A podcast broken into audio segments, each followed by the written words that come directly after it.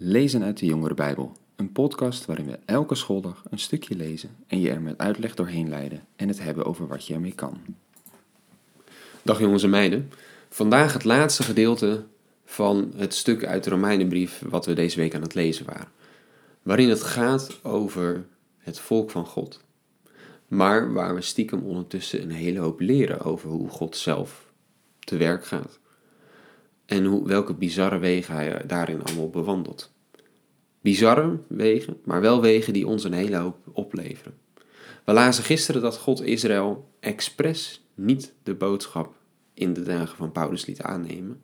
Zo ongelovig maakte hun de ogen sloot, zodat daarna de boodschap bij ons terecht zou komen. De niet-Joden, het volk, maar het volk zelf, ja, die, die blijven dus aan de zijkant staan. En dan blijft dus de vraag, oké, God heeft dat met een doel gedaan, en nu? Is het volk uitgespeeld? Blijft het daar aan de zijkant staan? Zijn ze nuttig geweest om uiteindelijk bij ons uit te komen? En that's it? Nou, bij God kan het wel eens zijn dat iets even aan de kant gezet wordt.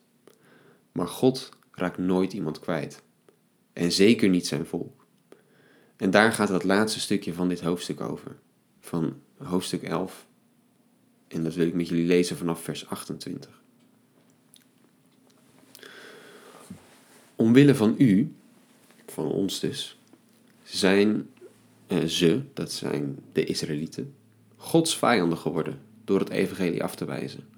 Maar toch blijven ze Gods geliefden omwille van de aartsvader, die hij heeft uitgekozen.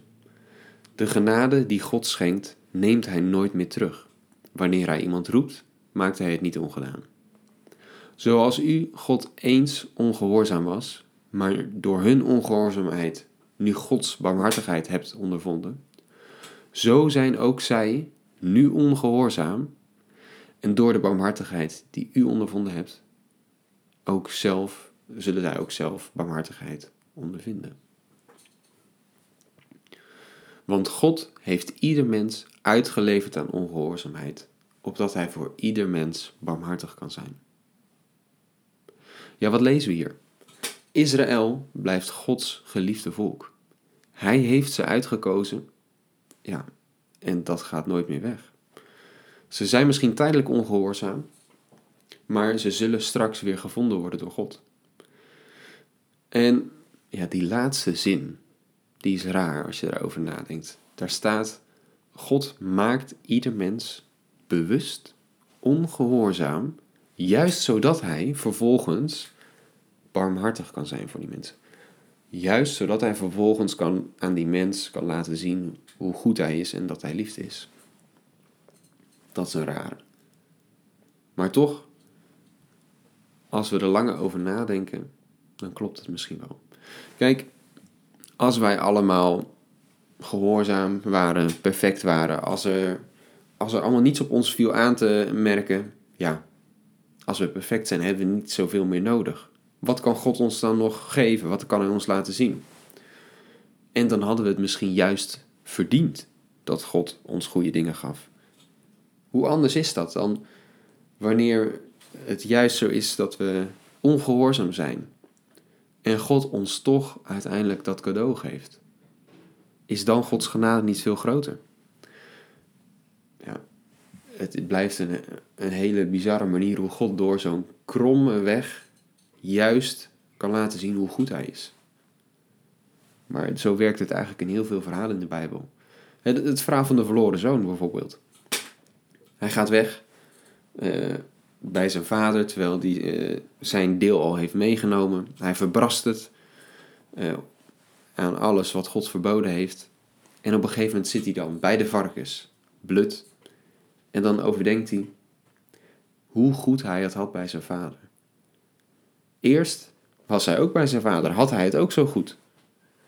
Maar hij kon niet bedenken hoe goed dat daadwerkelijk was. Het was voor hem normaal. Maar pas toen hij daar zat, toen hij ongehoorzaam was geweest, toen hij alles had gedaan wat God verboden had en daar blut bij die varkens zat, toen pas besefte hij zich hoe goed het had, hoe goed het was bij zijn vader. Zo werkt het nou eenmaal. Soms moeten we fouten maken en ongehoorzaam zijn, om dan pas echt te kunnen ervaren hoe goed God is en hoe groot zijn liefde is. En dan pas echt blij te kunnen zijn als Hij God ons dat cadeautje geeft. Ja, want anders ja, dan waren we goed en dan vonden we misschien wel dat we het verdienden. Maar nu, nu is het echt genade. Wij hebben er niks voor kunnen doen. Wij maken alleen maar fouten en toch geeft God het ons. Het is bizar. Ik had het niet zo kunnen bedenken. En jij denk ik ook niet. Paulus zelf kan er ook met zijn hoofd niet bij dat God het op deze manier doet. En hij sluit het hoofdstuk ook met dat soort woorden af. Laten we dat maar lezen. Hij zegt: Hoe onuitputtelijk zijn Gods rijkdom, wijsheid en kennis. Hoe ondoorgrondelijk zijn oordelen en hoe onbegrijpelijk zijn wegen. Wie kent de gedachten van de Heer? Wie was ooit zijn raadsman? Wie heeft hem iets gegeven dat door hem moest worden terugbetaald? Alles is uit hem ontstaan.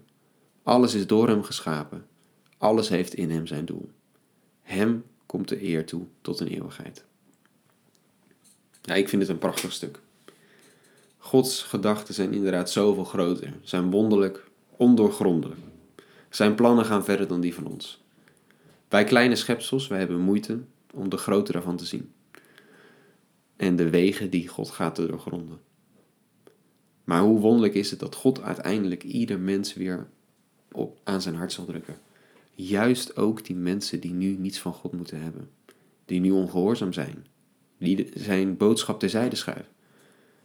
Bij mij, mij komt dan datzelfde gevoel op als bij Paulus. Die verbazing, die gedachte van, dit is krom en toch, het werkt.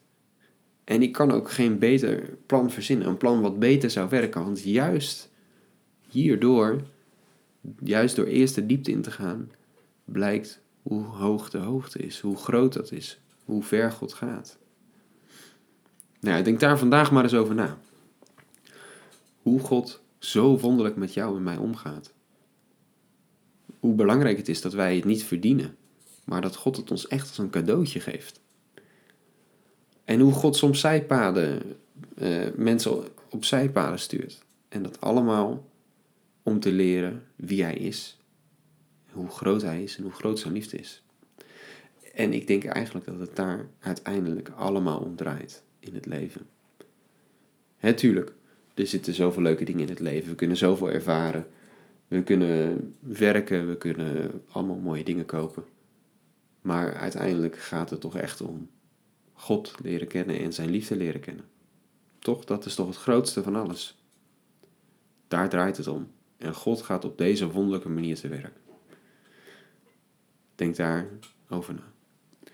Nou, dat was het weer voor deze week. Volgende week gaan we verder.